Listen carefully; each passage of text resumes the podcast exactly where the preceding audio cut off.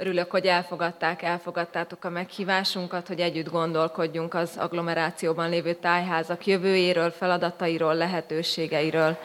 Külön szeretettel köszöntöm szakmai előadóinkat, engedjék meg, hogy most név ne soroljam föl őket, hiszen úgyis elhangzik majd hamarosan a nevük. Előre bocsátom, hogy egyik szakmai előadónk Bassali a családi okok miatt online fog majd csatlakozni a tanácskozásunkhoz.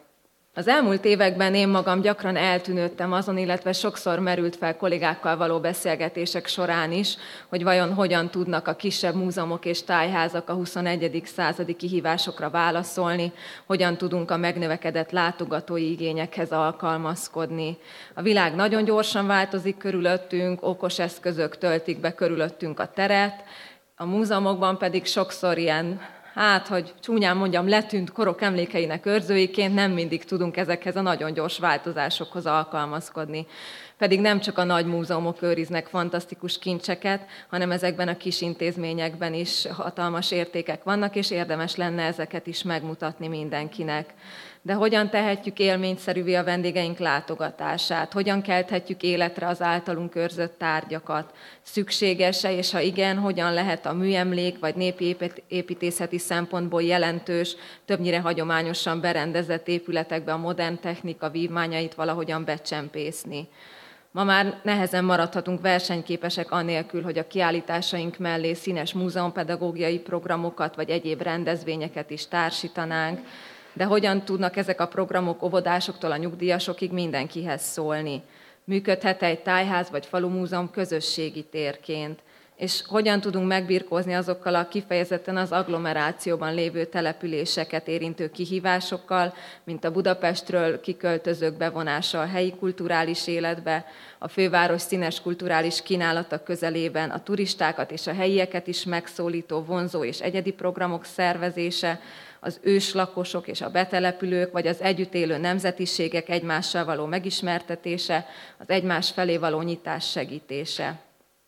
Természetesen tisztában vagyok azzal, hogy egyáltalán nem biztos, hogy ezekre a kérdésekre most itt azonnali és végérvényes válaszokat fogunk találni, de az már hatalmas eredmény, hogy elkezdődik a párbeszéd az érintett települések kulturális területen dolgozó szakemberei között a közös gondolkodásból erőt, egymás jó gyakorlataiból pedig ötleteket merítve mindannyian tovább léphetünk afelé, hogy minél komplexebb, korszerűbb, látogatóbaráti élményt tudjunk nyújtani, nem csak a településünkre érkező turistáknak, hanem az itt élőknek is. Az idén jubiláló dr. Jablonkai István helytörténeti gyűjtemény az elmúlt 50 évben számtalan kihívással nézett szembe eredményesen, és számos szakmai és kulturális program szervezésében vett részt, így bízunk benne, hogy ennek a tanácskozásnak is méltó és értő házigazdája lesz. Hálás köszönettel tartozunk Solymár nagyközség önkormányzatának, hiszen az ő anyagi támogatások nélkül ez a konferencia nem valósulhatott volna meg, és anyaintézményünknek, az Apácai Csere János Művelődési Háznak, hogy ezt a kényelmes helyszínt és a technikai feltételeket biztosítják a tanácskozáshoz. Most pedig szeretném felkérni dr. Szente Kálmán, Solymár nagyközség polgármesterét, hogy köszöntse a résztvevőket és nyissa meg a konferenciát. Tisztelt Hölgyeim és Uraim, kedves vendégeink! A közel 12 ezer lakosú Solymár Magyarország legnagyobb nagyközsége önkormányzatának nevében én nagyon sok szeretettel köszöntöm a konferencia résztvevőit.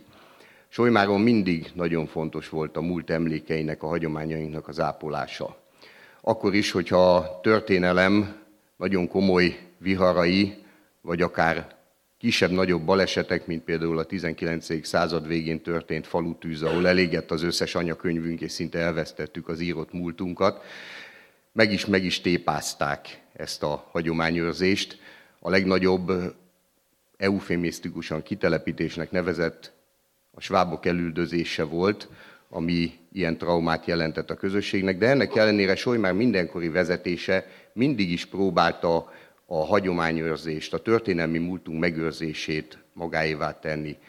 Ennek volt igen szép példája, hogy dr. Jabonka István tanár úr 50 évvel ezelőtt a községi tanács és a helyi termelőszövetkezet segítségével megalapíthatta a Solymári helytörténeti gyűjteményt, amely fél évszázada folytatja ezt a munkát. De mindenképpen meg kell itt említenünk a kisközösségeinket, az amatőr, vagy én inkább önkéntesnek nevezném helytörténeti kutatókat, kis csoportokat, a helytörténeti társaságot, a helytörténeti alapítványt, akik mind-mind hozzátettek ehhez. Gyűjtötték az adatokat, gyűjtötték az ismereteket, bújták a levéltárakat, hogy megőrizhessük múltunkat és továbbadhassuk gyermekeinknek, unokáinknak.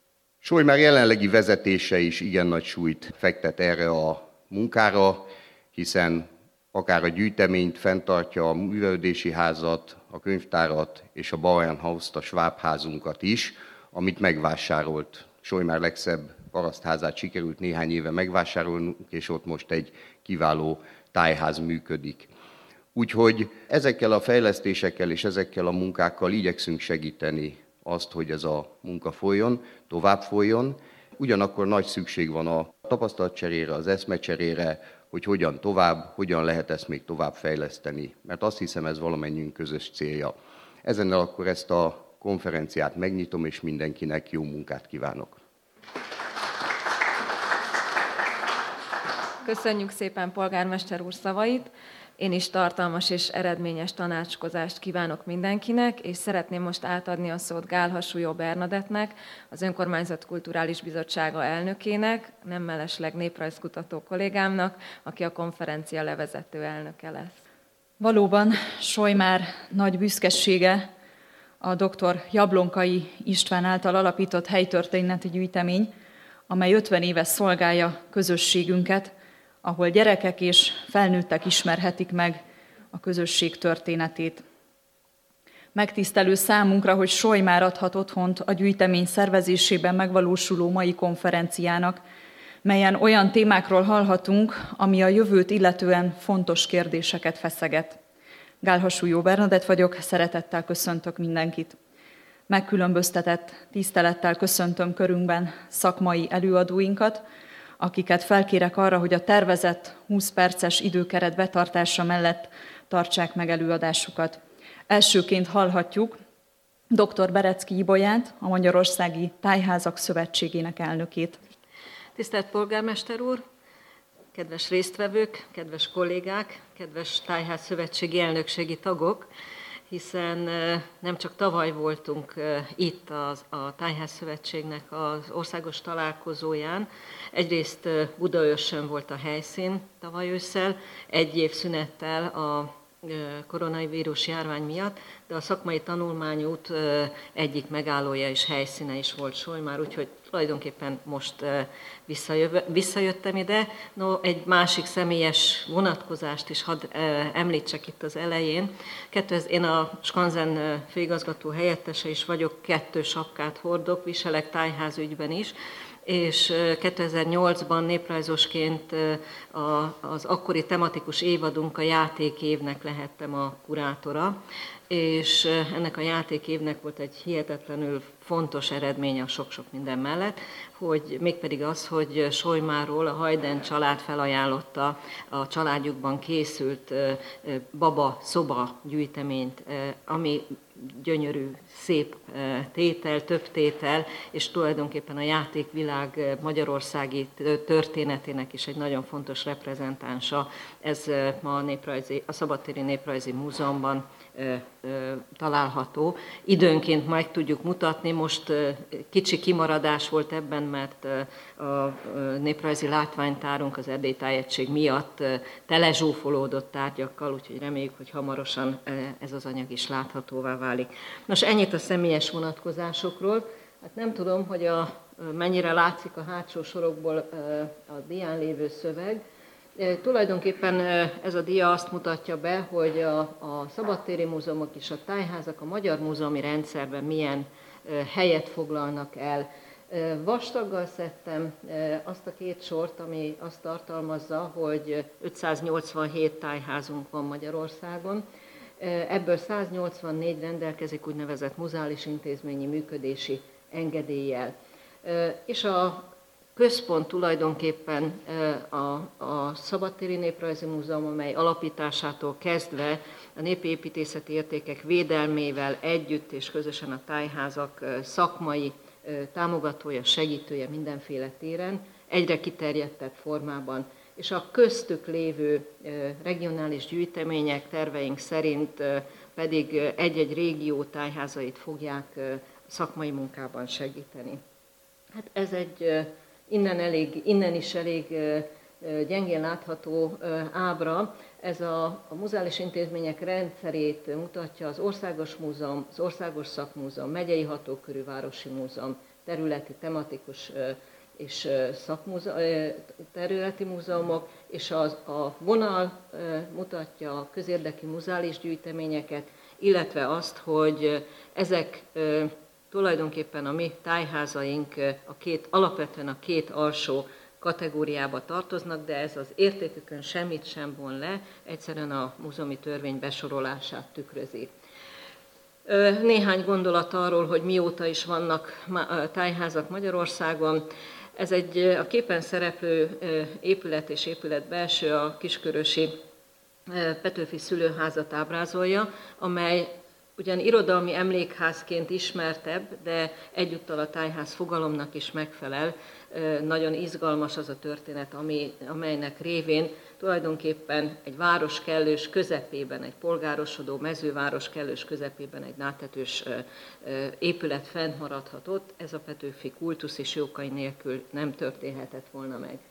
Milyen módon születtek meg Magyarországon a tájházak, erről csak néhány gondolatot.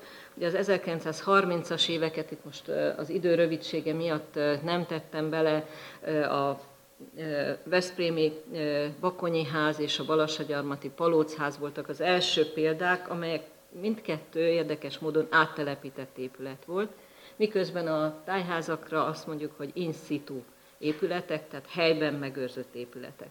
Viszont mégis ikonikus épületként az elődök közé soroljuk ezeket az épületeket is.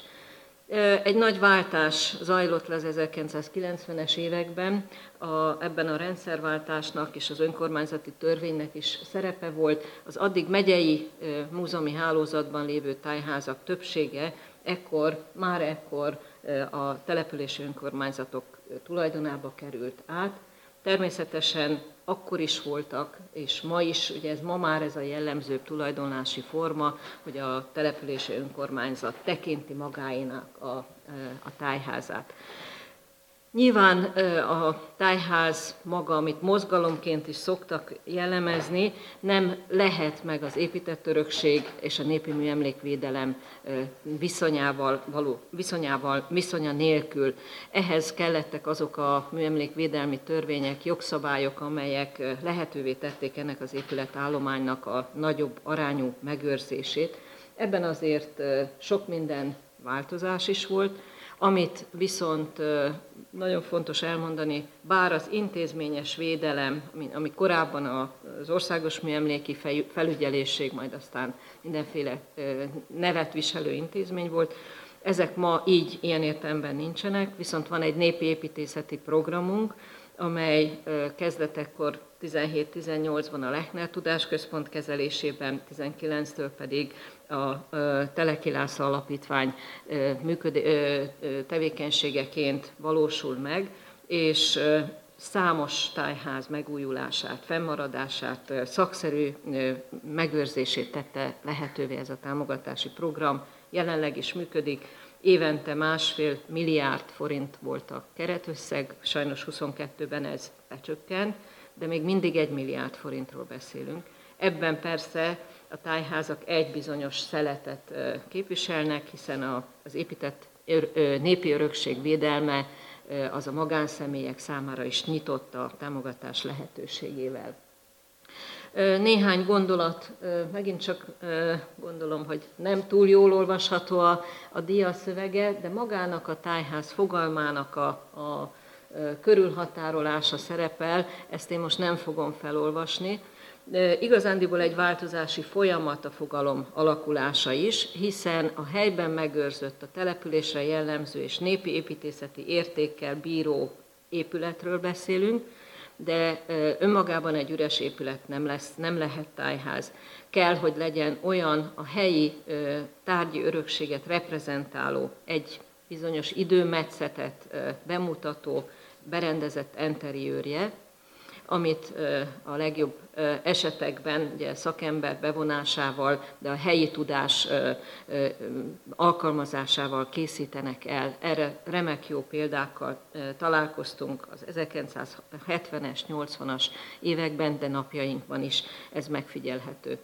Amiben a változás van, nem elég egy épület, és nem elég egy tárgyakkal berendezett interiőr, kell hozzá közösség, kell hozzá program, kell hozzá élet. Enélkül a tájház az csak egy puszta rezervátum. És ebben az irányban haladunk napjainkban, és azt gondolom, hogy, hogy a, az egész konferencia felvetésében, és már a bevezetőben is ezek a gondolatok markánsan megerősödtek, és úgy gondolom, hogy ez mindenképpen a mai napnak az egyik fő gondolata. Én már rég nem gondolom azt, hogy a múzeumok porosak, úcskák, ósdik és unalmasak. Sokat dolgoztunk azért az elmúlt húsz esztendőben, hogy, hogy ez az összkép változzon. Nyilván jó lenne egy nagy felmérést készíteni arra vonatkozóan, hogy, hogy milyen módon változik a, a népesség körében, a diákok körében a, a múzeum, és remélem, hogy ebben a folyamatban a tájházaknak a szerepe is olyan, hogy, hogy követik, sőt bizonyos szempontból a saját specialitásukkal meg is erősítik azokat a modernizáláshoz kapcsolódó múzeológiai folyamatokat, amelyek révén igenis lehet és kell érdekesnek lenni. Nos, azért térjünk vissza egy kicsit a, a realitások körébe, még a fogalmakat illetően, mégpedig az, hogy igen, nem minden tájház felel meg ennek a fogalomnak, amit annak hívnak, és ugye korábban faluházként is emlegetett muzális gyűjtemények, vagy falumúzeumok, itt Pest megyében ez különösen kedvelt név volt az 1970-es, 80-as években. Én azt mondom ezzel kapcsolatban, hogy mindent a maga nevén nevezzünk, ezekben nincsen értékkülönbség. Tehát ha egy néprajzi gyűjtemény van, vagy egy helytörténeti gyűjtemény, az ugyanazt kell, hogy tudja a maga sajátosságainak megfelelően, mint amit egy tájház például.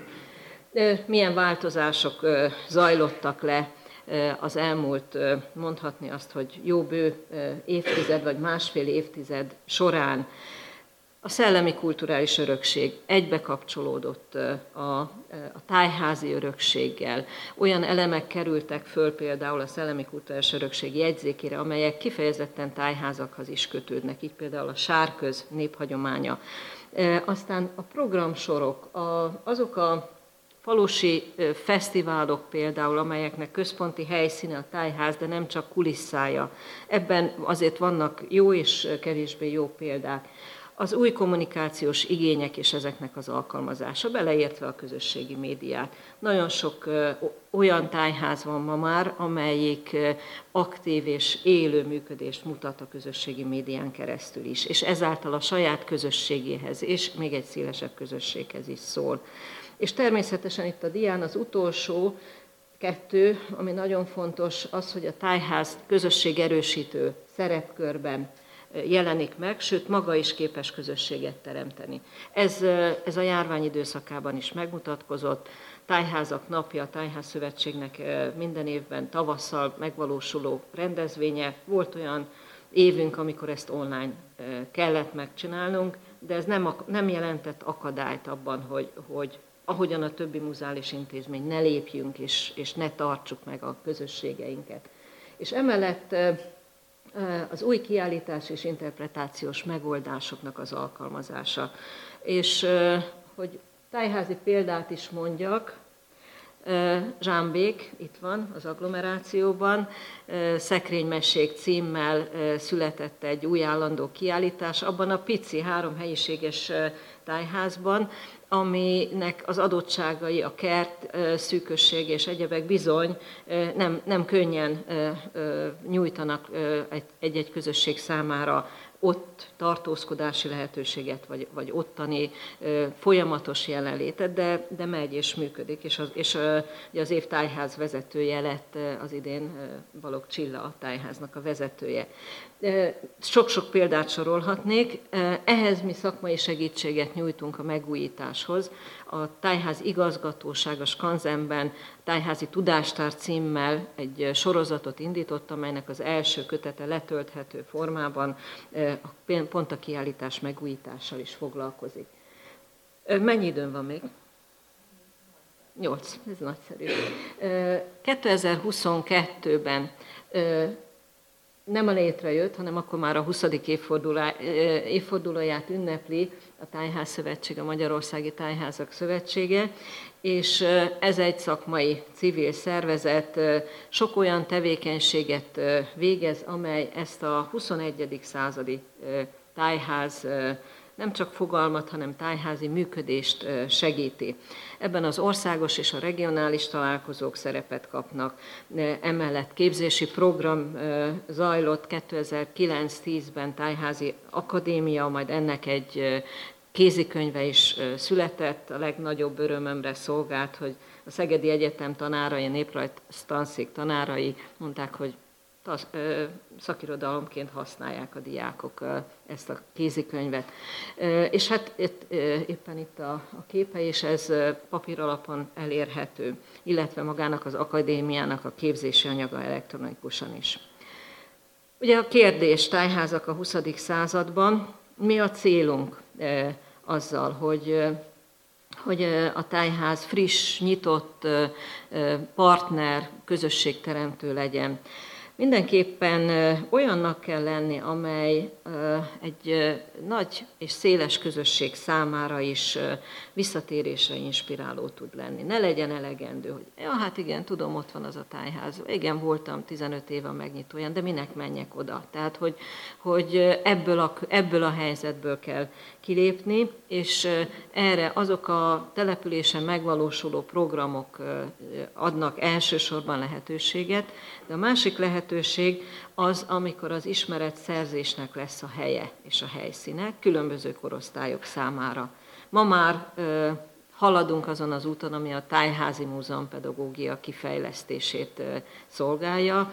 Az igazgatóság egyik munkatársa el is végezte az eltén ezt a, a nem a Tájházi Múzeum pedagógiai képzést, hanem a múzeumpedagógus képzést, és alkalmazza, alkalmazzuk a tájházi környezetbe és a speciális lehetőségekhez igazítva.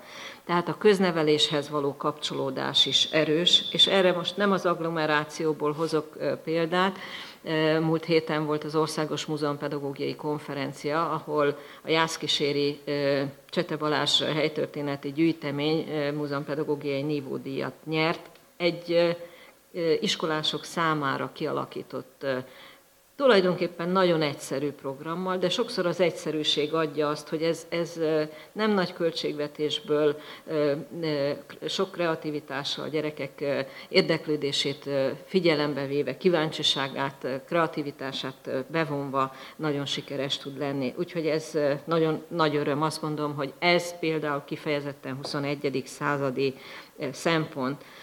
És az, hogy, hogy időtöltés, egy kikapcsolódást jelentő időtöltést jelentsen a tájház. De ha csak a fenntarthatóság kérdésére utalunk, ugye ma ez nem, azt nem mondom, hogy lerágott csont, de az idei évben különösen sokat foglalkozott a hazai és a nemzetközi múzeumi világ a környezeti fenntarthatóság kérdéseivel és a társadalmi fenntarthatóság kérdéseivel. Miben tudunk mi speciálisat adni? Ez közös a skanzenekkel is. A praktikus tudásban, az, amit hozunk a saját hagyományainkból, a falusi hagyományainkból. És nem, nem szégyen kimondani azt, hogy termelj kevesebb szemetet, vagy ne legyen szemeted, és ahhoz használd a, a régieknek a tudását. Ehhez kiváló példákat tud a tájház adni. De az egymásra való odafigyelés dolgait is nagyon sokszor tudjuk a hagyományból úgy előhozni, hogy ezzel nem vagyunk ósdiak, hanem egy újra rendezett módon a 21. századi körülményekhez igazítva tudjuk használni a régi tudást. Erre azt gondolom, hogy a helyi közösség bevonása nagyszerű lehetőség, és ebben majd még visszatérek egy pillanatra a bevándorlók, itt lakók és közösségek, közösség teremtés kérdésére. Még itt egy néhány gondolat a tájház igazgatóságról, de ezt, ezt én most itt tovább pörgetem hirtelen. Mit csinálunk, miként csináljuk? Tegnap fejeződött be egy 60 órás szabadtéri múzeum és tájházi képzésünk, azt látjuk, hogy akik ezt elvégzik, így, mint a rakéta, lőnek ki, és, és csinálják, megújítják a saját tájházukat, a kiállításaikat, de másképpen gondolnak a, a lehetőségekre is. Milyen eredmények vannak ezen a téren, amit a tájházigazgatóság csinál? A tovább lépés az egy Kárpát-medencei hatókörű munka, tájházakat illetően és itt a, példám szintén Zsámbékról érkezett, ugye a formális és informális tanulási folyamatba való besegítés, a, ugye itt a, a tánccsoportnak a jelenléte, nem csak hogy mondjam, én már nagyon régóta tudom, hogy ez a viselet ez nem jelmez, hanem öltözék. És hogyha ha eljönnek hozzánk a skanzenbe, pont a Lokberg csoport is volt már többször, nálunk a, a, egész nap benne vannak ebben az öltözékben, az övéki, a sajátjuk, nem idegen a számukra, és egy méltóságot, tartást, közösséget erősítő szerepe is van. Nos, úgy gondolom, hogy az időm kezd elfogyni, úgyhogy mindenképpen ez a fajta stratégia az, ami meghatározó a, számunkra, és hogy ebben milyen tevékenységi formák lehetnek, ugye még ez a dia erről szól. Talán a kommunikáció, az, hogy ezt miképpen közvetítjük a közösség felé, mindenképpen meghatározó itt éppen a tájházi tudásnál egy példányát mutatjuk be, illetve a tájházigazgatóság honlapját, ahol további hasznos ismereteket lehet látni. És ugye az agglomeráció kérdése. Amikor én ezt a felkérést megkaptam, ugye akkor elkezdtem agyalni rajta, ez az agyalás folytatódott, hogy miben lehet más egy eh, agglomerációban lévő tájház, és miben azonos.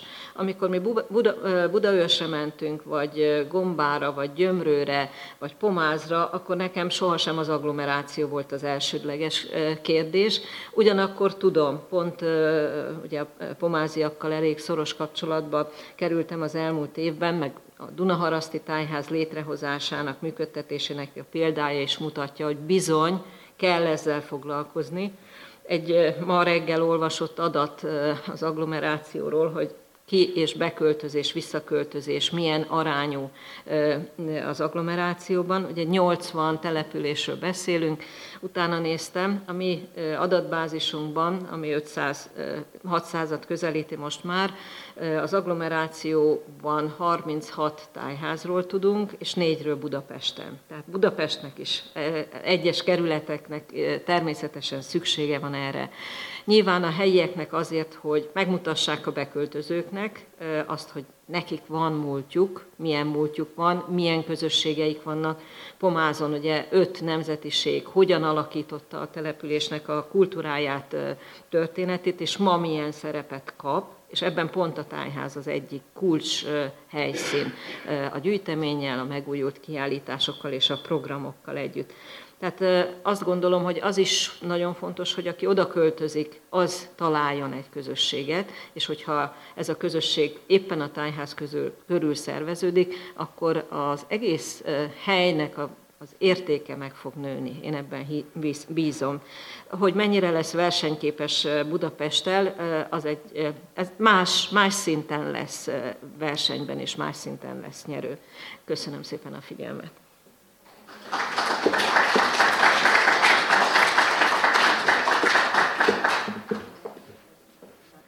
Köszönjük szépen dr. Berecki Ibolyának az előadását, és csak annyit szeretnék hozzáfűzni, hogy azt hiszem, hogy nagyon fontos szerepünk van itt Sojmáron és a környező településeknek is abban, hogy a közösségünket, a betelepülőt és a, a már régóta itt élő magot egy közösségé tudjuk formálni.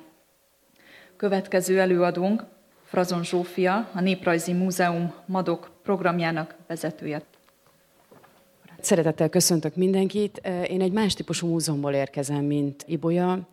Ami azért is érdekes szerintem, mert ugye a falakkal rendelkező múzeumok ráadásul egy országos gyűjtőkörű a fővárosban, egy metropolisban található intézmény nagyon másként működik, mind a szubjektivitás, mind pedig a, mind pedig a szomszédság viszonyrendszerében. Úgyhogy igazából arra gondoltam, és ezt beszéltük Piroskával is, hogy, hogy egy módszertani gondolkodást próbálnék meg ebben a 20 percben képviselni, amiben egyrészt szeretnék nagyon-nagyon picit megmutatni önöknek egy, egy kézikönyvet, amit egy ilyen típusú mentalitásból is indítottunk el, és attól függően, hogy mennyire beszélem túl az előadás első felét, hoznék néhány példát, amelyek egyébként ebben a könyvben meg is vannak írva, tehát hogyha nem tudom befejezni, akkor is bőven marad még a tájékozódásra idő.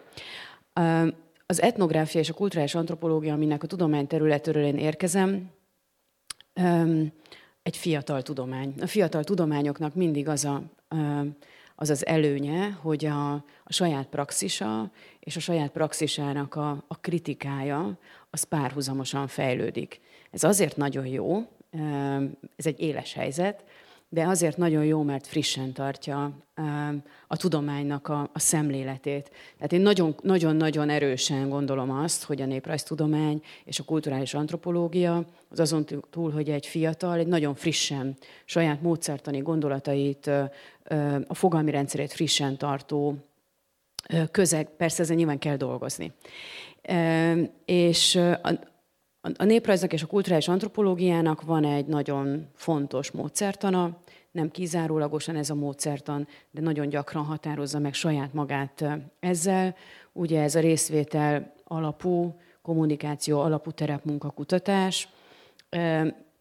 Ez tulajdonképpen a tudomány születésének és intézményesülésének egy nagyon fontos eleme. Tehát az, hogy benne van az együttműködésnek és a részvételnek a gondolata, már magának a tudománynak a, a létrehozásában, vagy az erre alapuló múzeológiának a, az intézményesülésében, az azon, azon múlik, hogy a kutatók nem pusztán és nem kizárólagosan egy könyvtárban, egy archívumban, egy tudomány által létrehozott térben mozognak, hanem kilépnek ebből a térből, és belépnek mások terébe. Ez a mások tere, lehet a saját kultúrán belüli másságtól elkezdve az egészen egzotikus távolságban levő másság, és ebben a térben próbálnak meg más emberekkel, közösségekkel együtt létrehozni valami fajta tudást. És ennek ugye nagyon sokféle kijárata van. Akkor, amikor múzeumban dolgozunk, akkor ennek azért nagyon gyakran valamilyen fajta szövegszerű anyag, tehát az interjúból nyerhető tudás, és nagyon jó esetben tárgyi, tehát tárgyi forrásanyag jön létre. És azért nagyon fontos, hogy ezek a, ezek a, ezek a források egy kommunikatív szituációban születnek, mert hogy két oldalról kerül bele tudás. Belekerülhet az én tudásom is, ha jól kérdezek, az én itt ugye most a tudománynak az oldala. Ha jól kérdezek, ha jól látom meg azokat a sűrűsödési pontokat, amelyek, amelyek aktiválják azokat, azoknak az embereknek a tudását, akivel együtt dolgozunk, és ez egy jó és demokratikus kontextusban van elképzelve, akkor ez valóban egy dialógus, akkor ez valóban egy párbeszéd, és ezek a tudások valóban össze tudnak érni ezekben a tárgyakban. Egy másik területről szeretnék behozni még egy gondolatot, ez pedig a kortás művészetnek a, a közege, és most azért a kortás művészetnek a közegét említem meg, mert a részvétel és az együttműködés tekintetében egy nagyon fontos és ihletadó terep a társadalomtudományok és az intézményi keret számára.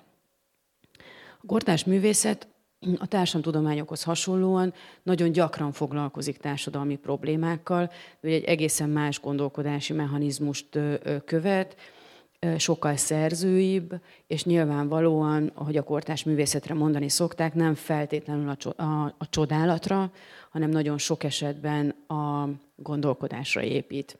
Ugye ezért nehéz kortás képzőművészetet fogyasztani, mert, mert nem elégséges megpihenni szép műtárgyak mellett, hanem ezeken a műtárgyakon, vagy ezeken az installációkon, vagy ezek a bármilyen médiumon elmondott történeten el kell kezdeni gondolkodni. Akkor, amikor a társadalmi helyzetek élesednek, azért most lássuk be, hogy egy ilyen kontextusban, vagy egy ilyen időben élünk, akkor a kortás művészetnek, ugyanúgy, ahogy a társadalomtudományoknak is, mindig élesedik a retorikája.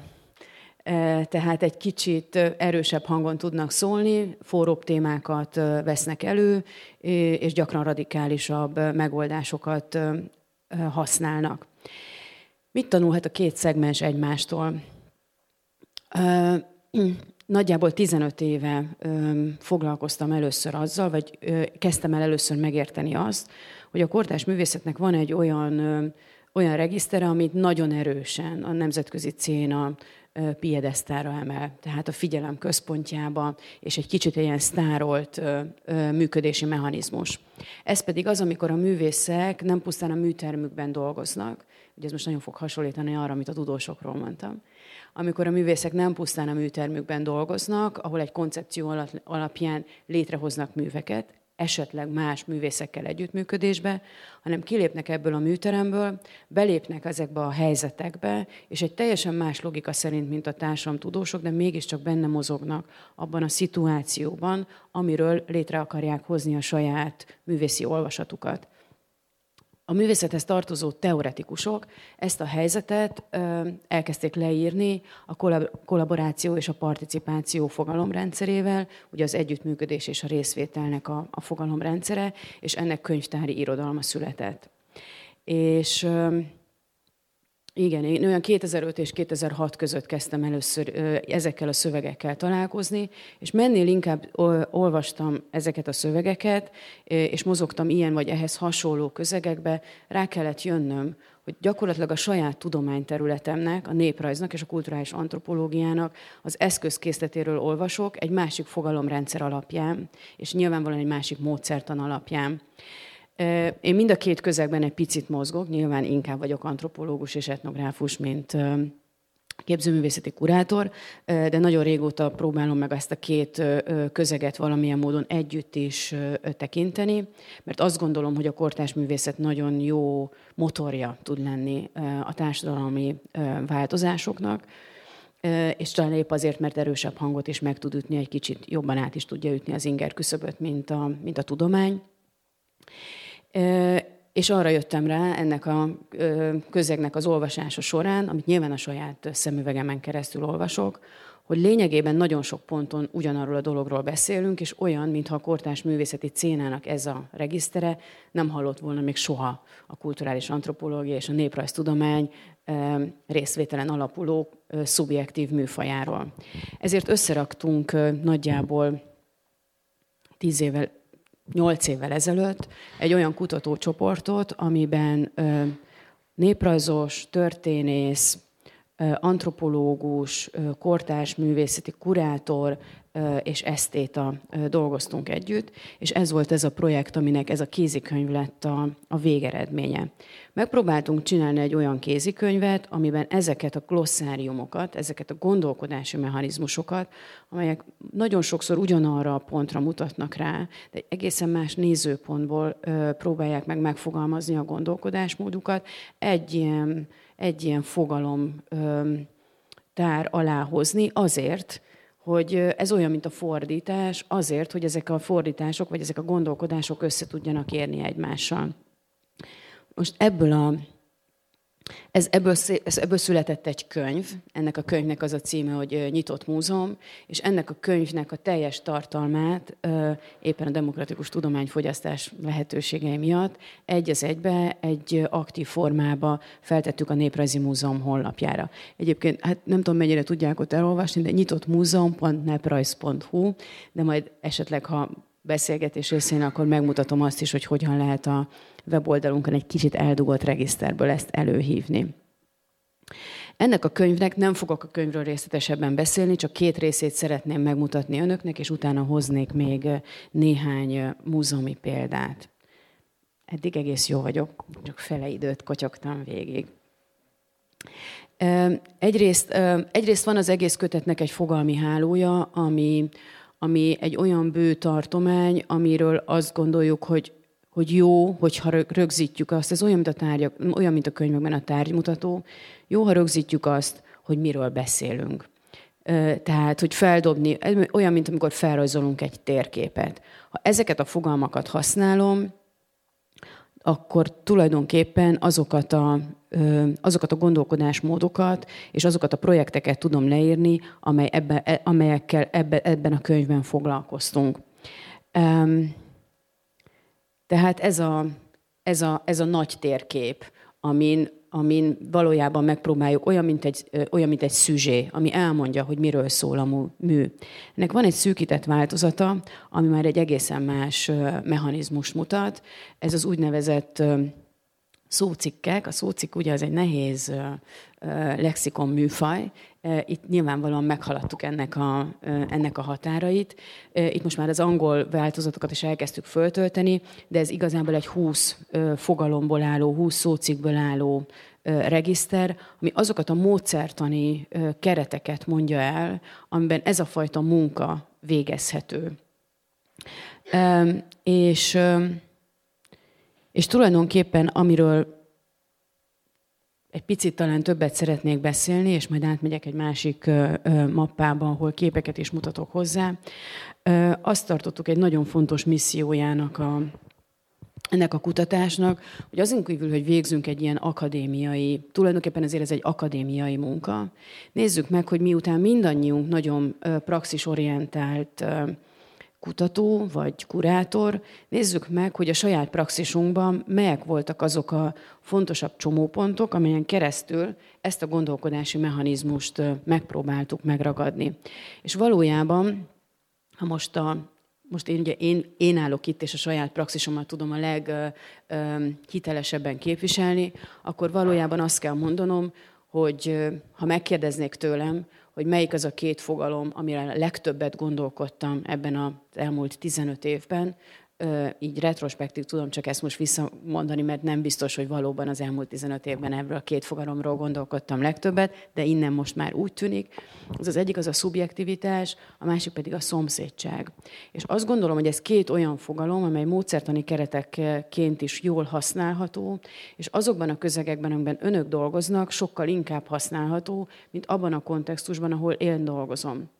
Én egy nagyvárosban dolgozom, egy olyan múzeumban, amelynek tulajdonképpen a klasszikus saját öndefiníciója szerint nem egy nagyváros a terepe, hanem közösségek a terepei, hanem van valami fajta lokalitással való erős viszonya, tehát a tudománynak, a, a néprajz tudománynak és az, et, az etnográfiának és a kulturális antropológia tudományának azért ezek nagyon fontos eszközei, tehát ezekből, és azért emeltem ki a módszert annak a fontosságát, én ebből a módszereket tudom integrálni abba a gondolkodásmódba, amit egy nagyvárosi közegben képviselhetek. Mondhatom azt, hogy a terepemet máshova helyezem. Tehát nem Budapesten dolgozom, és nem a Mában dolgozom.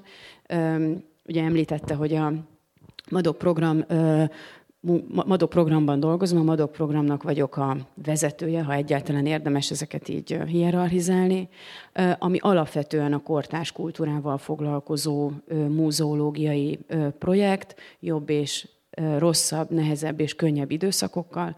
Most egy optimista felfelé ívelésre számítunk.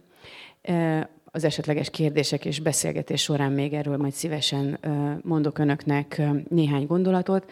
Tehát tulajdonképpen akkor, amikor egy intézmény sem lokálisan, sem közösségi szinten nem tud integrálódni az őt körülvevő fizikai és intellektuális térbe, Lázs Néprajzi Múzeum, ami eddig a Kossuth téren működött, ugye, ami még, még inkább egy fekete luk. Most ugye átköltözött a, a ligetnek a kapujába.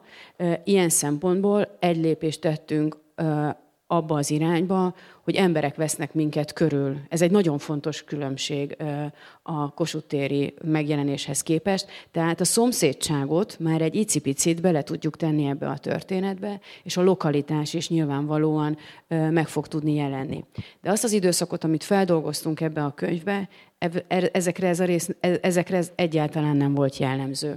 Tehát akkor, amikor a MADO programban először megfogalmazódott az, hogy a múzeumban lévő tárgyakat, a múzeumban, már a múzeum gyűjteményében lévő tárgyakat hogyan lehet használni arra, hogy egy, mondjuk egy adott kiállításba vagy ki, egy kiadványba ne csak a muzeológus beszéljen, hanem legyen hangja annak a ö, annak a társadalmi közegnek, amelyel már a kutatás során együtt dolgoztunk. Erre 1900, 2006-ban került e, először sor. Ekkor rendeztük meg a Műanyag című kiállítást, ami ugye sem címében, sem megközelítésében ezt a két tört, két fogalmat, amit próbálok mondani, a szubjektivitást és a, és a szomszédságot nem rejti magába, de belerejthető.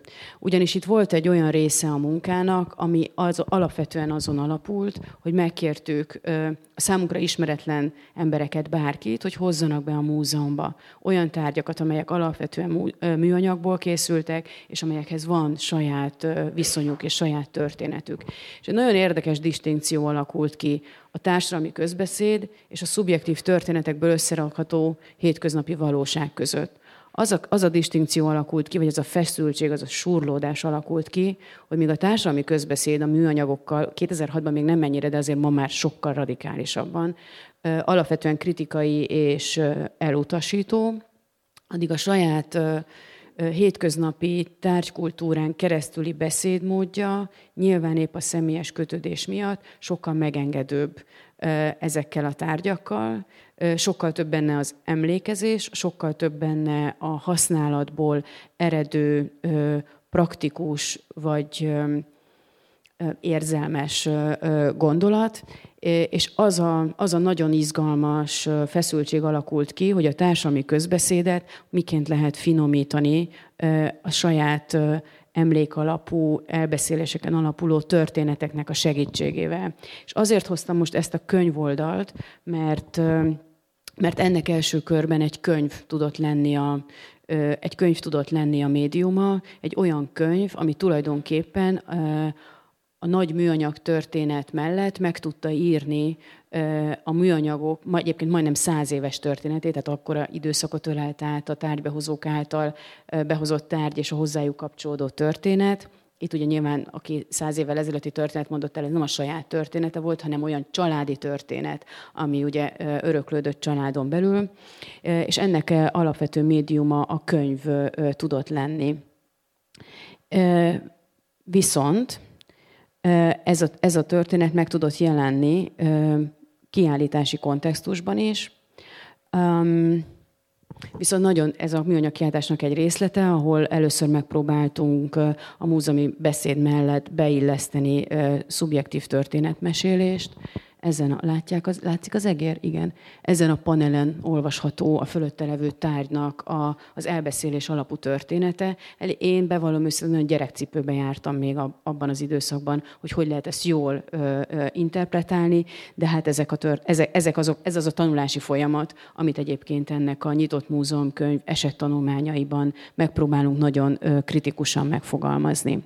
Tehát, hogy ez a fajta gondolkodásmód, hogy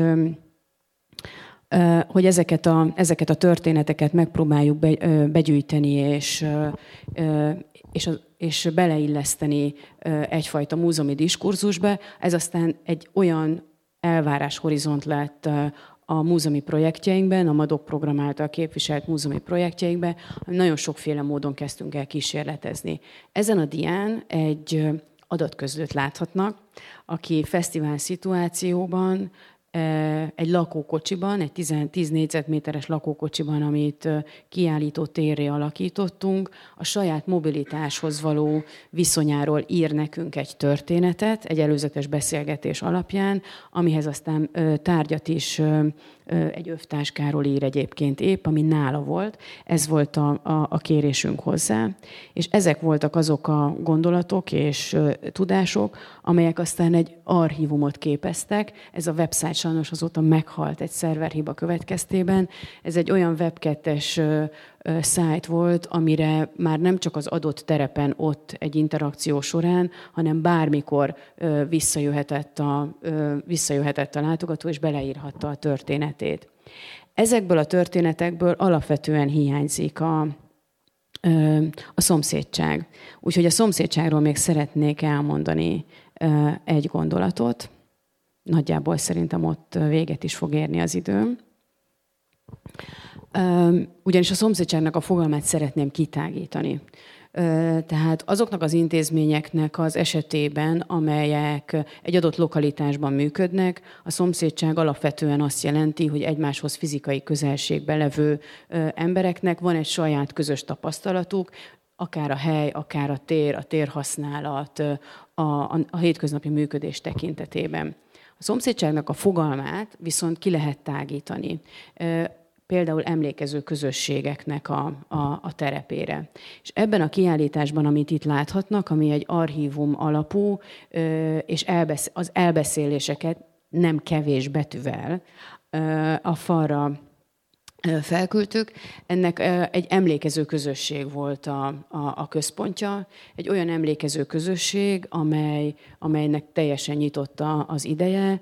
1939 és 79 között bánkon, a bánkító mellett működött egy gyereknyaraltatás, és ennek a nyaralt, aminek, akinek, aminek volt egy központi figurája, Leveleki Eszter, elég, egy karizmatikus személyiség, aki ezt a nyaraltatást ebben a 40 évben készítette, vagy csinálta, praxis szinten csinálta, és az az emlékező közösség, aki fenntartja ennek a ennek a, az egykori időszaknak a, az emlékezetét, az az egykori nyaralók ma már ugye sok esetben felnőttek, vagy a gyerekeik és az unokáik, tehát hogy itt ebben van még egy ilyen továbbvitel, és az ő elbeszéléseik, illetve azok a megemlékezések, amelyeket az adott helyszínen tartanak. És tulajdonképpen ez egy két, két rendszerű kutatás volt, és akkor ez lesz az utolsó gondolatom, hogy ne haladjam meg a 20 percet hogy volt egy nagyon izgalmas interjús kutatás része, tehát megint csak le kell ülni és, és beszélgetni, nagyon sok időt eltölteni ezzel. A másik pedig egy nagyon efemer és nagyon esendő tárgyalapú archívum, Ugye ezt mindannyian tudjuk, hogy ezek, ezek a tárgyak, amelyek a gyerekkorhoz, az emlékezéshez, vagy ilyen helyzetekhez kötődnek, ezek ritkán illethetők a műkincs kategóriájával. Ezek nagyon esendő tárgyak, amelyeknek a múzeumi bemutatása nagyon sok esetben egy nagyon-nagyon magas, tehát nagyon nagy feladat, egy olyan vizuális közegbe vonni, ami nem elrettenti, hanem behívja a látogatót, illetve azt is egy picit tudja kommunikálni, hogy mi az a gondolkodásmód, amivel ezt a, ezt a tárlatot be lehet fogadni. Tehát mi azért építettük ezeket az archívumi asztalokat, amivel egy kicsit a múzeum, tehát ez a, mintha ben lennénk a dobozban, de az ehhez kapcsolódó székekkel megüzentük, hogy ez egy fáradtságos munka, amit ilyen módon próbálunk segíteni, és tulajdonképpen egy olyan két regiszterű beszédmódot hoztunk létre, amelynek az egyik regisztere ezeken a színes asztalokon zajlott. Ezzel mutattuk be ezt, a, ezt, a, ezt az egyáltalán nem könnyű tárgykultúrát, a falakon pedig azoknak a azoknak a hangoknak adtunk helyet, amelyek ezt az emlékezetet fenntartják. Első körben nagyon sok kritikát kaptunk még a forgatókönyv készítése során, 93 ezer leütés volt a falon hogy ennyi szöveget nem olvas el senki. És erre szoktam azt mondani, hogy igen, és az étteremben sem szoktuk megenni a három levest, a négy főételt és a négy desszertet, hanem választunk az ízlésünknek, a gondolkodásunknak megfelelően, de lehetőséget teremtünk arra, mint egy étteremben is, hogy lássuk azt, hogy mi az a kontextus, amiből mi ezeket kiválasztottuk. És mindenki annyi időt tölt el benne, amennyit szeretne. Úgyhogy én két tanulságot szeretnék ebből levonni, hogy mindig érdemes nagyon nagyon közel menni, de azt gondolom, hogy önöknek ebben a lokális kontextusban ez van praxisa, és soha nem szabad megijedni attól, hogy túl sok túl sok és túl nehéz az az anyag, amit, amit egy ilyen közelmenésben megkapunk, és igazából nagyon jó és nagyon gazdag az a szubjektív tudáshalmaz, amiből lehet, lehet dolgozni, és ez nem csak azoknak az embereknek érdekes, akik ebben az emlékező közösségben, vagy lokális közösségben működnek, hanem abszolút kinyitható ennek a tere. Úgyhogy én ennyit szerettem volna mondani és nagyon köszönöm a figyelmet.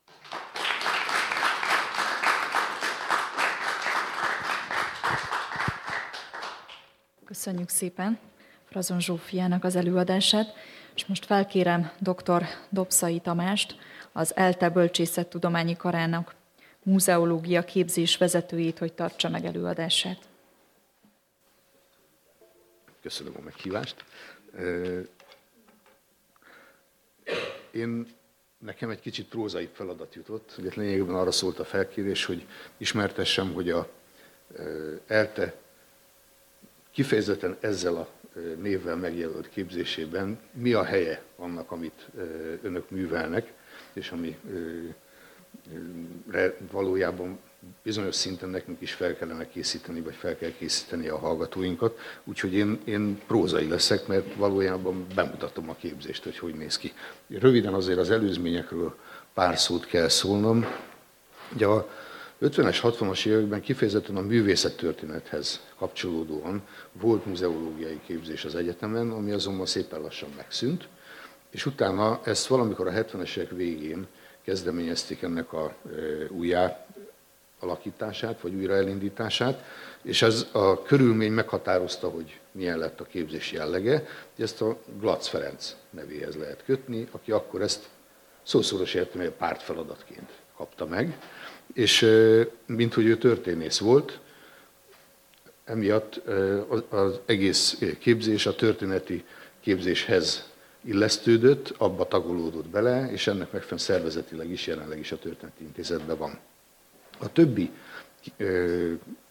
szakon, ahol a muzeológiának szerepe van, néprajz, művészettörténet, stb., régészet, ott szépen lassan szűkült az erre fordított órakeret, míg nem egy vagy két kurzusra redukálódott, ami, ami azt eredményezte, hogy nagyon sok esetben a tízes években hozzánk jöttek a ott végzett hallgatók, hogy valamiféle muzeológiai képzésük is legyen.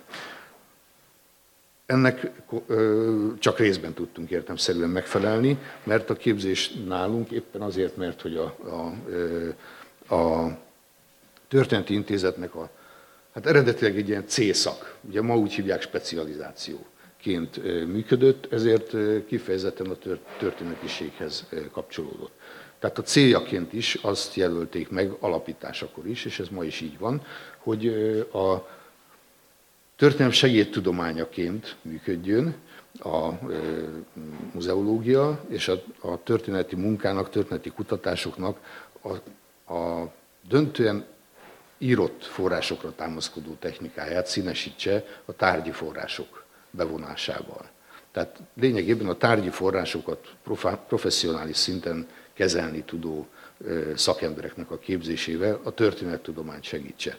Ugyanakkor kezdettől fogva mindenkinek világos volt, aki ebben a képzésben részt vett, hogy a múzeumoknak másfajta feladataik is vannak, és ezért általában is a múzeológus sok feladataira fölkészítő képzésnek kell lennie, és az utóbbi időben értékelődött fel, mondjuk a utóbbi húsz évben igazából mondjuk úgy az utóbbi tíz évben a múzeumok közösség teremtő, közösség ápoló funkciójával kapcsolatos ismeretek, amelyekkel szépen lassan azért kiegészült a képzés valamilyen szinten.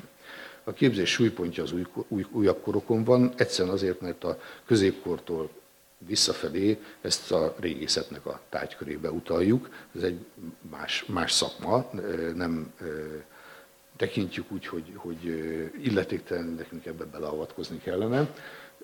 És mint hogy a történeti intézeten belül működik, ezért a, a történetiség továbbra is a legfontosabb szervező erő. Viszont nagyon fontos, hogy, és ez egy, ennek külön örülök, hogy a, a, itt az utóbbi, utóbbi öt évben lezajlott változás, hogy a, a frissen megalakult kulturális örökség szakkal egy nagyon jó együttműködésben vagyunk, közös óráink vannak, és ennek megfelelően éppen az említett feladatokra nagyobb figyelem jut, mint eddig. Tehát a múlt mai használata, a közösségépítő funkciók és a, a társadalmi múzeumnak részvételi technikáknak a, a, a ismertetése valamilyen szinten végre bekerült a képzésbe. Hogy néz ki a képzés? Ugye olyan sokszor mondogatják mostanában ezt a duális képzést. A, a muzeológia képzés kezdettől, első pillanattól kezdve duális jellegű volt.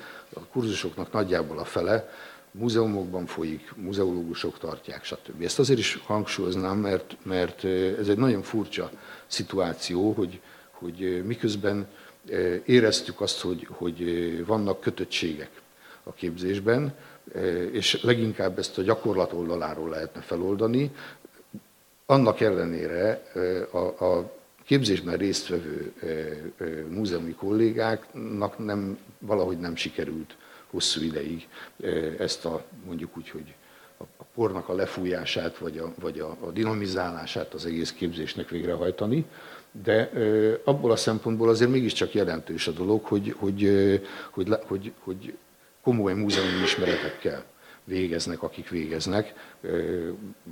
Hogy, hogy ez most milyen feladatra készíti fel őket, az egy másik kérdés. Van továbbá, és ez nagyon lényeges, összesen három fél év múzeumi gyakorlat, és ezek közül, itt majd a későbbiekben is, amit pirossal kiemeltem, azok azok, amelyekre a felkérésem szólt, tehát hogy a helyi, helytörténeti tájház és a többi hasonló típusú gyűjteményekben való munkára való felkészítés, az hol helyezkedik el a képzésben. Tehát a tulajdonképpen a gyakorlatot is kiemelhettem volna. Ezek közül az egyik fél év az kifejezett előírás az, hogy helyi kis múzeumban vagy helytörténeti gyűjteményben kell végezni a hallgatónak. A ö, utolsó nagy gyakorlat az valami, valamilyen, valamilyen ö, nagy, nagy országos ö, múzeumban, ö, Zsófiáéknál, vagy Nemzeti Múzeumban, vagy másút, de egyfél évet biztosan el kell tölteniük ö, ilyen típusú ö, intézményben. Jó, és akkor hogy néz ki a képzés, hogy épül fel? Ez, ez lenne talán a legfontosabb. Tulajdonképpen ez, ez mióta Bologna van, azóta ugye modulokban kell gondolkodni. Ugye három nagy modul van, az egyik a történeti, a másik a muzeológiai, ami elméleti és gyakorlati részből egyaránt áll, és végezetül közösségkapcsolati múzeumpedagógiai modulok. A történeti modul anyagát egyrészt mint hogy ez ugye egy specializációként indul, maga a történelem szak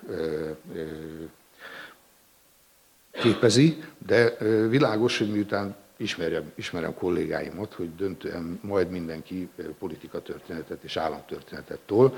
Ezért szükségesnek tartottuk, hogy legyen a képzésben egy négy fél éves, lényegében korszakonként haladó, mondjuk úgy, hogy társadalom, kultúrtörténeti, technikatörténeti előadás sorozat, amelyben a tárgyakat előállító, használó társadalomnak a, a viszonyaival kell, hogy megismerkedjenek. Tulajdonképpen a tárgyak magyarázata, mit reprezentál a tárgy, ezt, ezt kellene az előadásoknak bemutatni. Én a magam részéről igyekszem, hogy ezt megtegyem. Én 1750-től 1850-ig terjedő időszakot kezelem. Továbbá van egy ö, ö, helytörténeti és ö, van egy történeti földrajzi kurzusunk. Ugye a történeti földrajzi kurzusnak mondjuk, hogyha az anyagába belegondolunk, ott rengeteg mindenről esik szó, de az utolsó az olyasmi, ami, ami kifejezetten közvetlenül használható, de van benne település történet, van benne az említett környezettörténeti kérdéskörök helyet kapnak benne, a határnak a kérdése, annak virtuális és reális voltával egyaránt határhelyzetek és egyebekkel, tehát szépen végighaladunk egy bizonyos logika szerint a történeti földrajz lehetséges kérdésein, és a végén ott én el szoktam vinni őket, körbehurcolom őket az egyetem környékén elérhető városrészen, ahol ezt most kifejezetten azért mondom, mert, mert több, több helytörténeti táj, gyűjteményben és tájházban is fontos, de itt, itt különösen ugye, a, a helyi közösségeknek az összetettsége nagyon szépen megmutatható. Tehát akár társadalmi értelemben, ugye a, hogy jön létre a Mágnás negyed, hogyan rondít bele brutálisan abba a nagyon kispolgári, kisemberi közegbe, amit a Józsefváros hadvezőt képezett.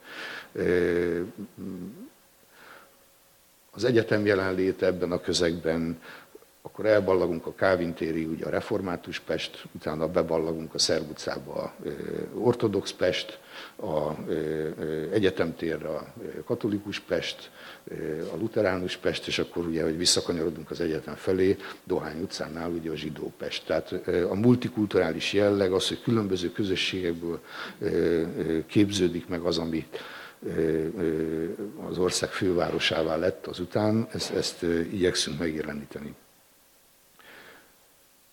Jó, helytörténeti kurzusról akartam még két szót mondani, ezt most veszi át egy olyan kollégám, akit, tehát az én, én doktoranduszom volt, aki a, egy szári sváb fiú, aki a saját falujának a, a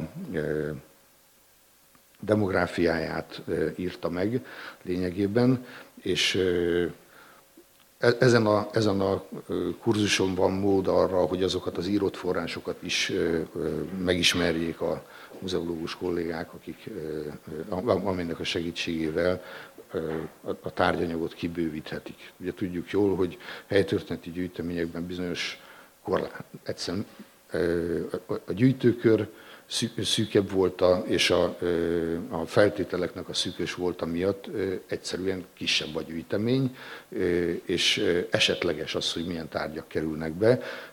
Ezeknek a kiegészítése plusz információval, illetve a meglévő tárgyanyagnak az értelmezése az egyéb források bevonásával lehetséges, és erre a helytörténeti kurzus alkalmat ad.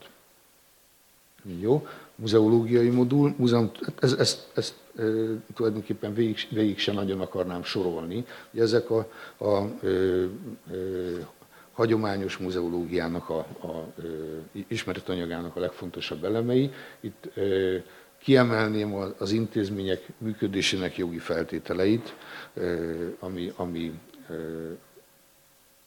hát van rá példa azért az utóbbi időben, hogy, hogy, hogy a, a ennek az ismerete hiánya az milyen hibákra, problémákra tud vezetni.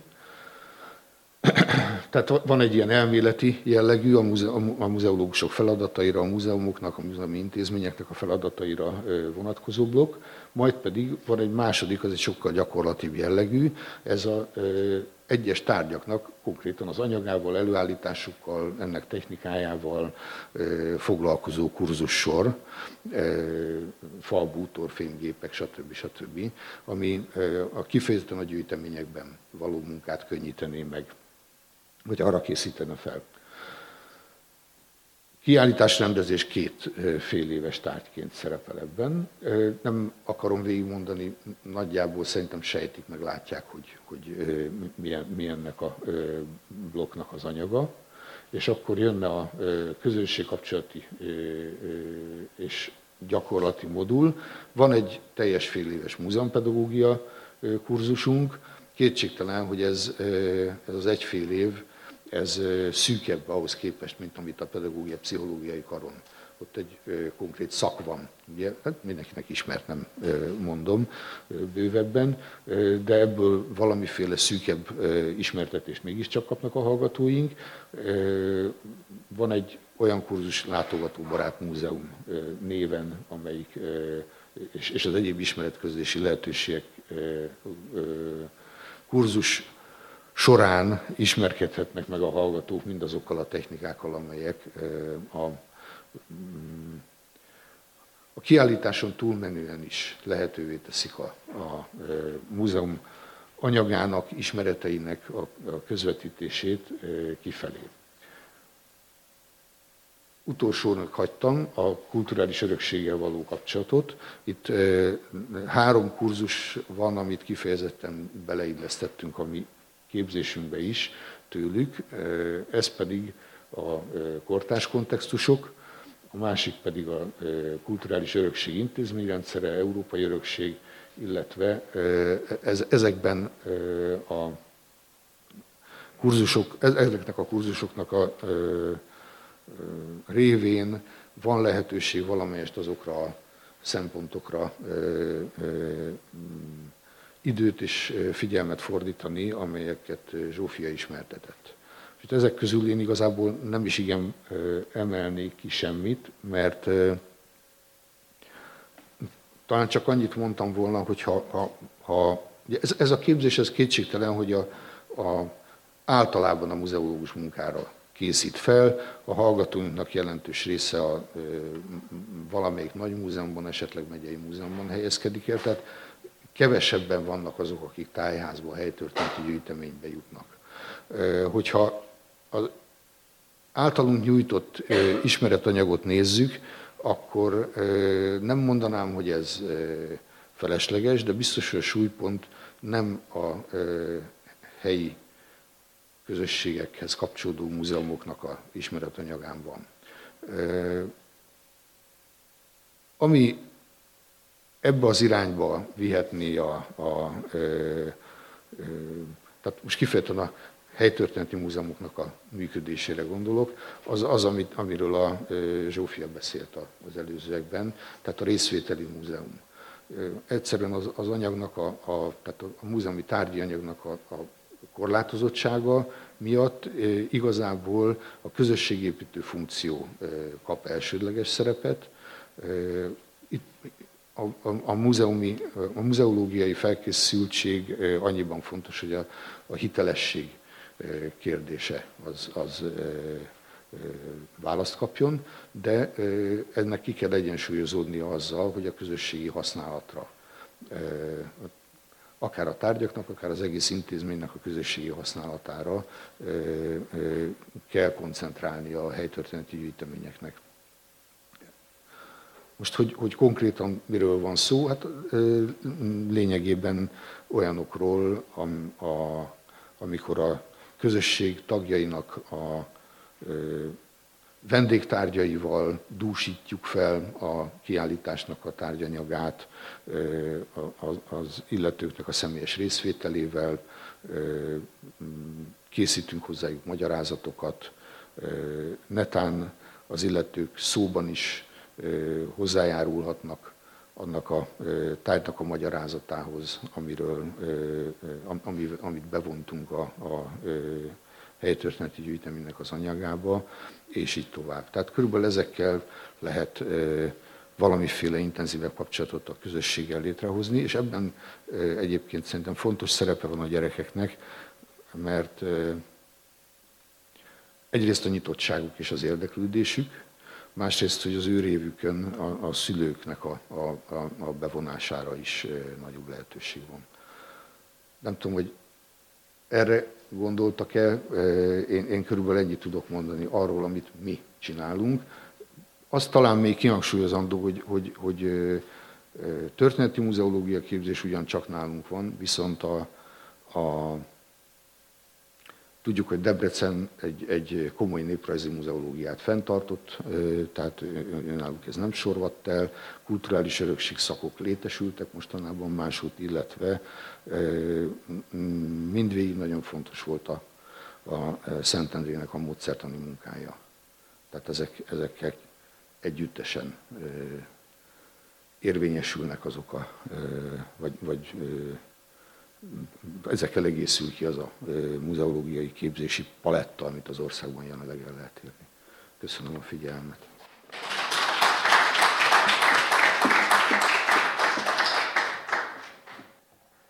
Köszönjük szépen dr. Dobszai Tamás előadását. Végezetül pedig dr. Bassa Lia, az Információs Társadalomért Alapítvány munkatársa csatlakozik hozzánk online felületen keresztül.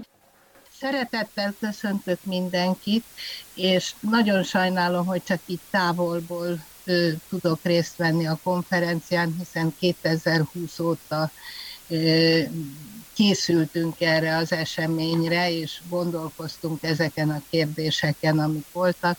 Ez most úgy adódott, hogy sajnos személyesen nem tudok jelen lenni, de ö, amit ö, el szeretnék mondani, az ö, arról szól, amivel egész életemben foglalkoztam, hogy emberekkel, emberekkel beszélni, embereknek elmondani gondolatokat, történeteket, megmutatni dolgokat, információkat átadni, hiszen tanár, illetve tolmácsként dolgoztam főleg, és én úgy gondolom, hogy a múltunkkal kapcsolatos dolgok megőrzése rendkívül fontos, és ezzel kapcsolatban mondani kell néhány gondolatot. Ugye mindenféle információt, meg élményt a múltunkról elég koncentráltan egy helyi múzeum tud bemutatni, és a múzeumok élete nagyon sokat változott az elmúlt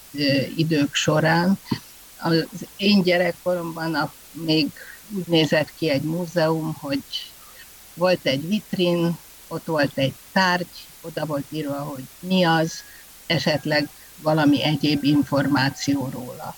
Távolról, messziről, és nagyon passzívan tudtam e, ismerkedni, de tudtam ismerkedni a múltunknak a tanúival.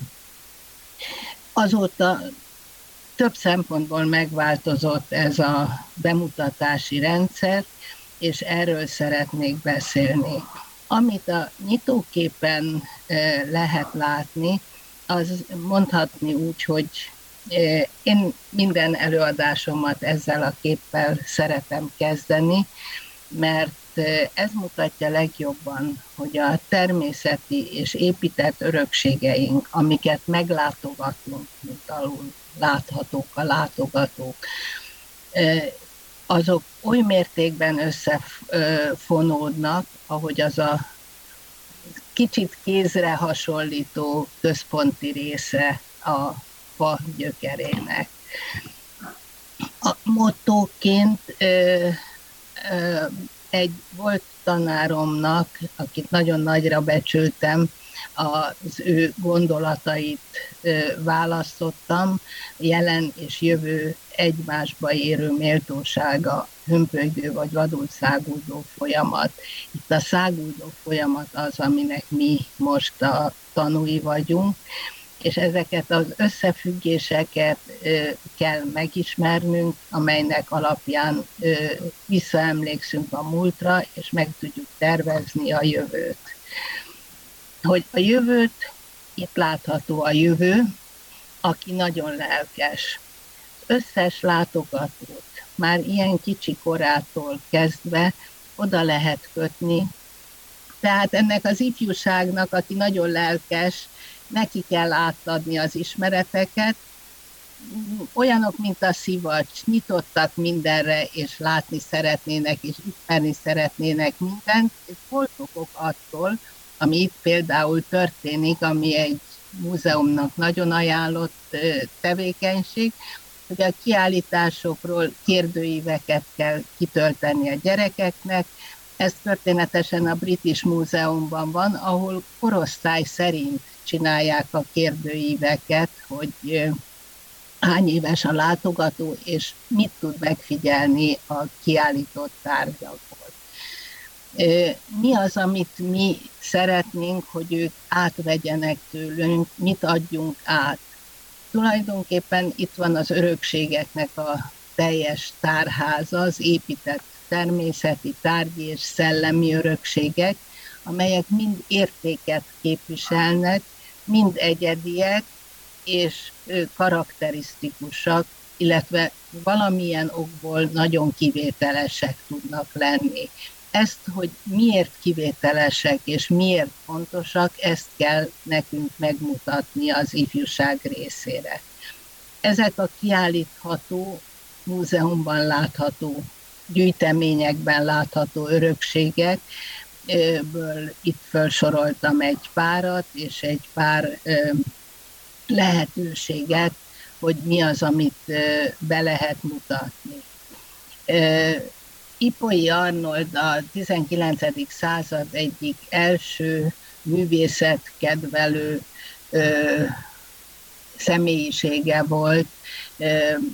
Ő például így fogalmazta ezt meg, az emlékek megőrzését, tulajdonképpen nagyon összecseng azzal, amit a az elején Ransburg professzor megfogalmazott. Amit itt láthatunk ezeken a képeken, ezek tájházi képek, helyi képek, hogyan élnek és hogyan lehet egy tájházon belül megmutatni azt, hogy az embereknek milyen a múltjuk, miket csináltak, milyen tevékenységeik voltak, ugye a nappali szobától a konyhán át a házon kívüli tevékenységekig. Ezek mind hozzátartoznak öltözködést is beleértve ahhoz, hogy hogyan éltek elődeink. Azonban ez a bemutatás nem csak abból áll, amit az előbbi képen láttunk, hanem nagyon új követelmények merültek föl az utóbbi időben, új igények keletkeztek. Az egyik az, hogy nem mindenki tud mindig mindenhova elutazni. Én vagyok most a legszebb példa erre,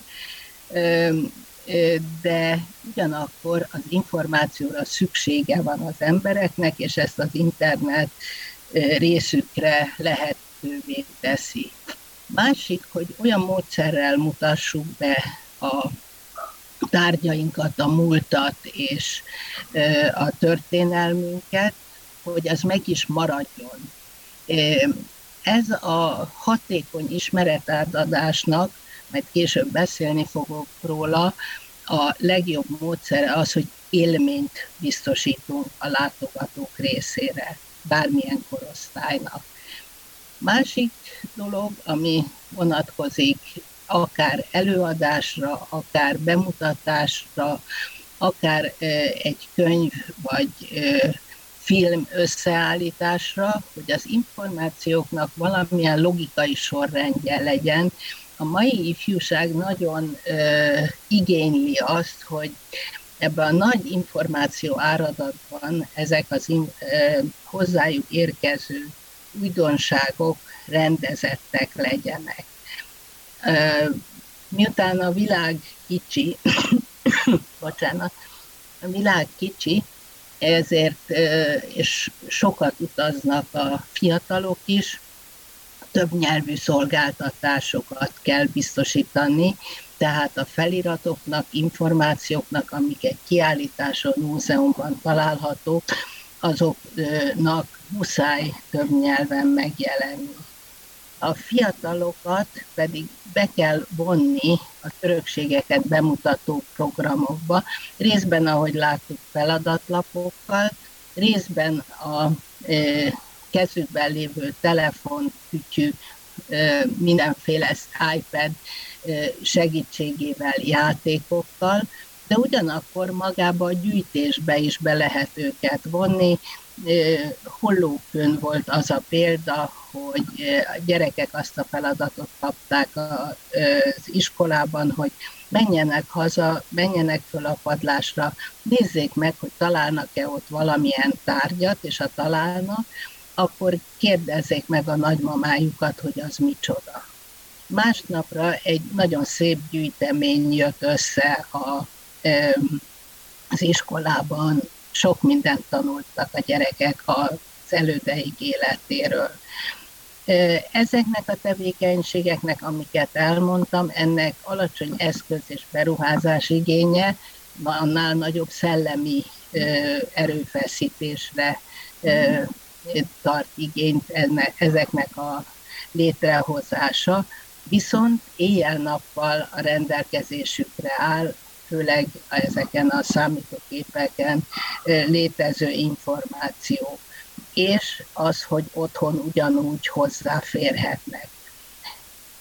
Ehhez természetesen technikai támogatás és modern eszközök szükségesek, mégpedig három nagy csoportra oszthatunk ezek az eszközök. Egyrészt a látogatást megelőzően nagyon fontos, hogy egy látogató, legyen ez gyerek vagy felnőtt, megfelelő információs felületen tájékozódni tudjon, hogy mi várható, mit fog ő látni.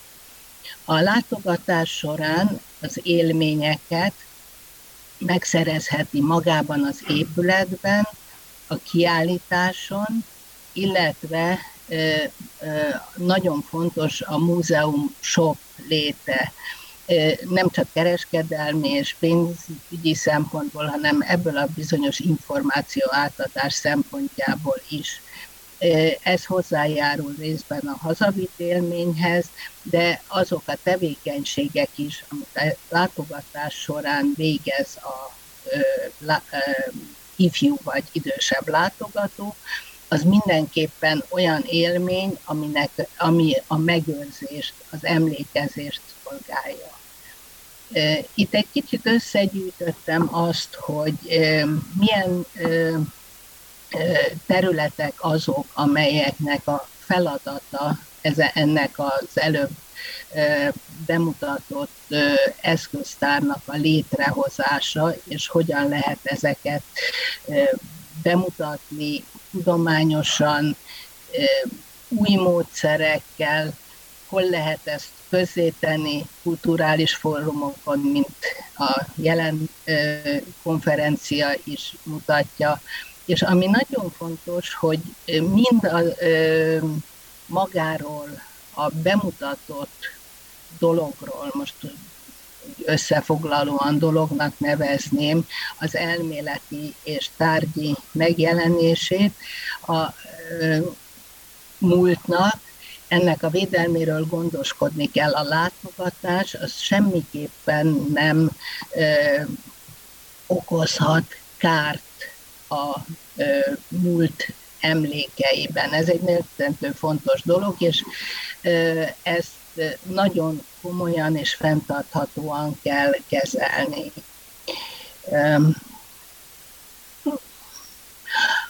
Kik, kiknek mutatjuk be ezeket a dolgokat. Ugye említettem elsősorban a fiatalokat és általában látogatókat, akik csak akkor jönnek el, ha felkeltettük az érdeklődésüket, tisztában vannak azzal, hogy értékeket fognak látni, ezt már az előbb említettem, hogy a bemutatott tárgyaknak komoly értéke van, és erről tudniuk kell, tudomást kell szerezni a látogatóknak, nem összefirkálandóval, nem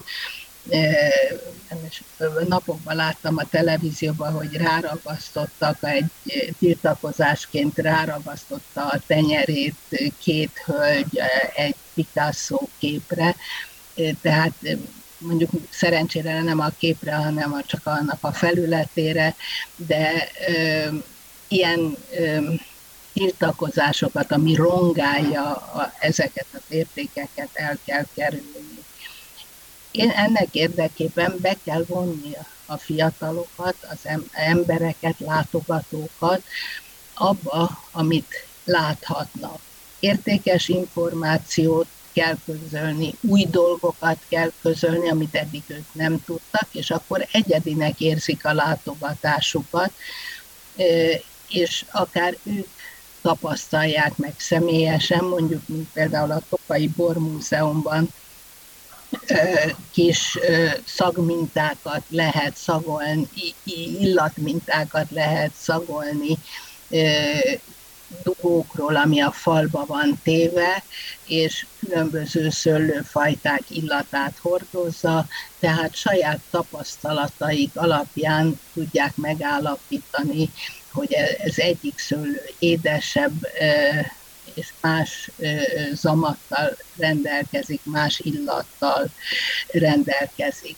Ezeket a dolgokat a látogatás során kell megismerni, és nem leírni, és azt mondani, hogy már pedig a egyik szőlő édesebb illat van, másik kevésbé. Hiszem, ha látom című dolog. A legfontosabb, hogy részt vegyenek ebben az értékmegőrzésben. Itt, ami a képen látható, például a táncok során,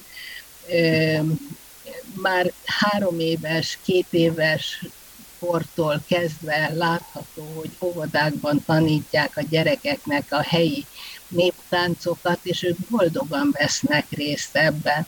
Ezek a gyerekek élvezni fogják például a népi táncot, például a hozzávaló ö, zenét és a ruházatot, amit hordanak a ö, ö, fellépők.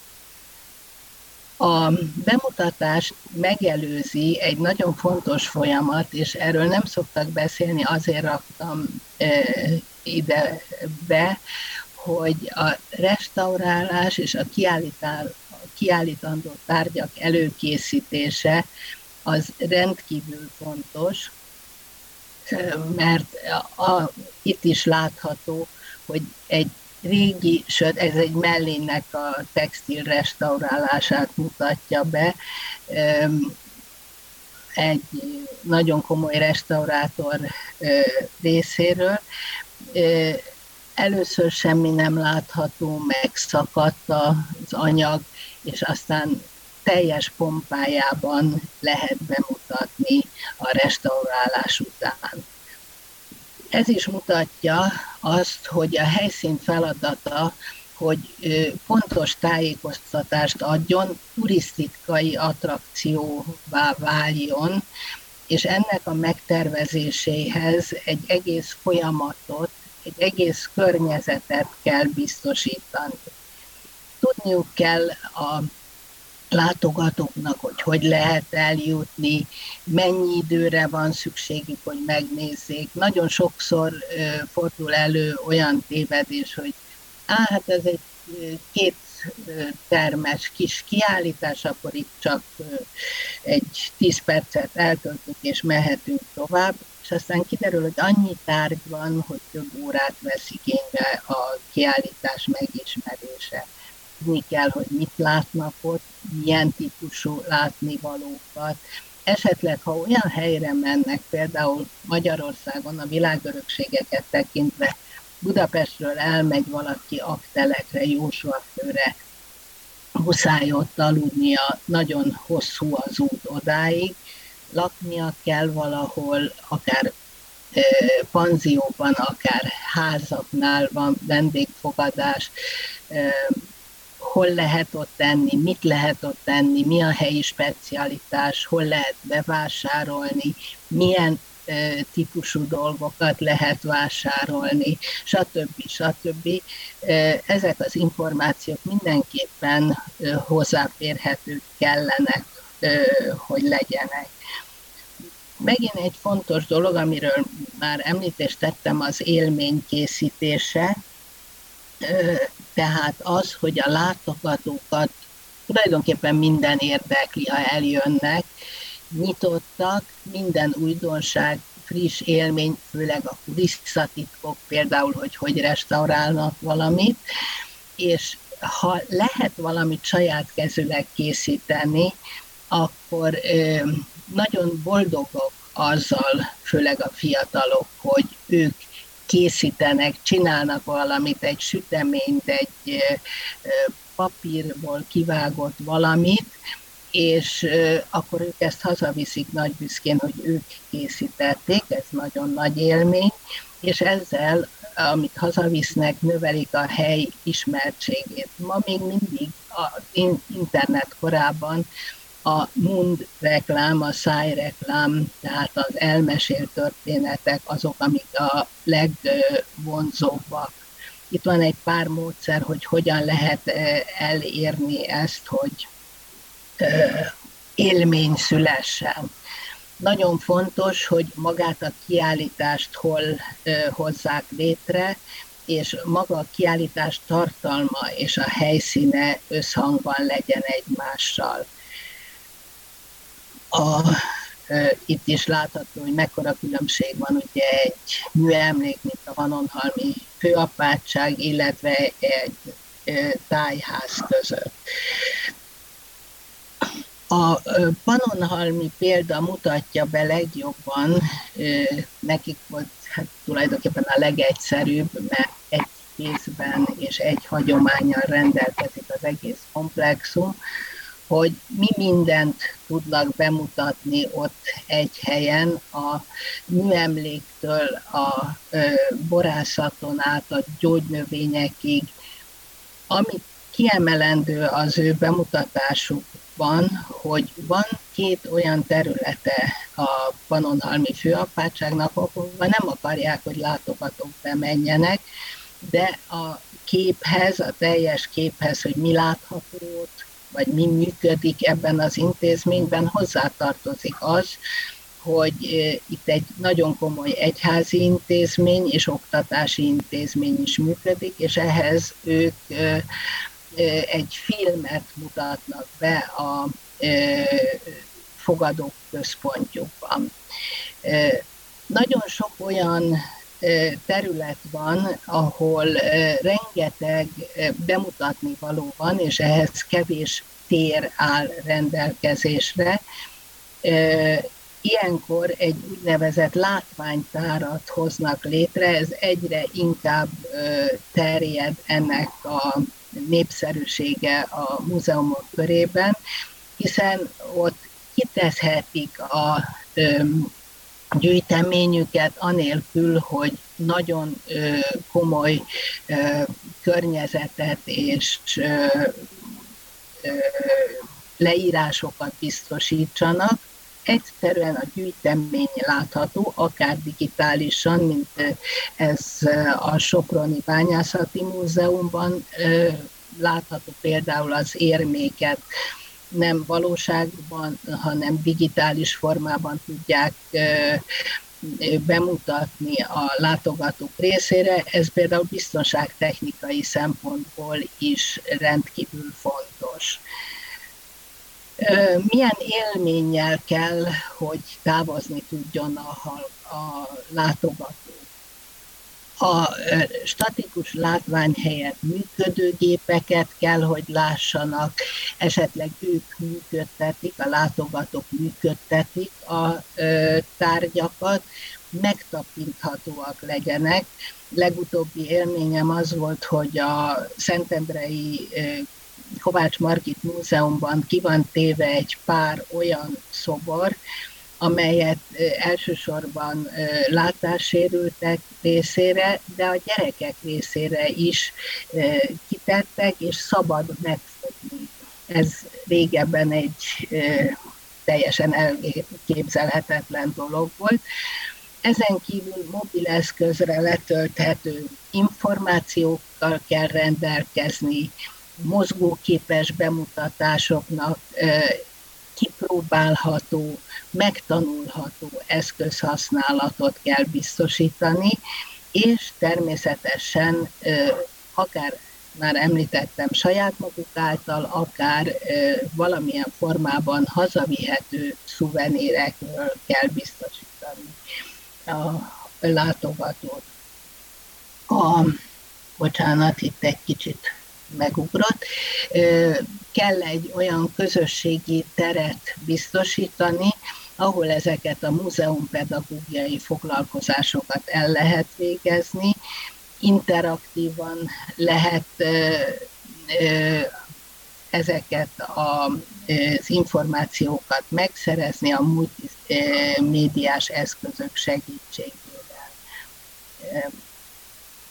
A ma múzeumának én a Műzé Kébranlit nevezném, ez egy nagyon nagy múzeum, néprajzi múzeum, a világ teljességét. Régen, régen az Emberiség Múzeumán, Múzeumának nevezték ezt a kiállítást, de már látható az épületen, ahol kívül a falakon mindig az évszaknak megfelelő növényt telepítették, látható a weboldalokon, hogy hányféle tevékenységet, információt szolgáltatnak a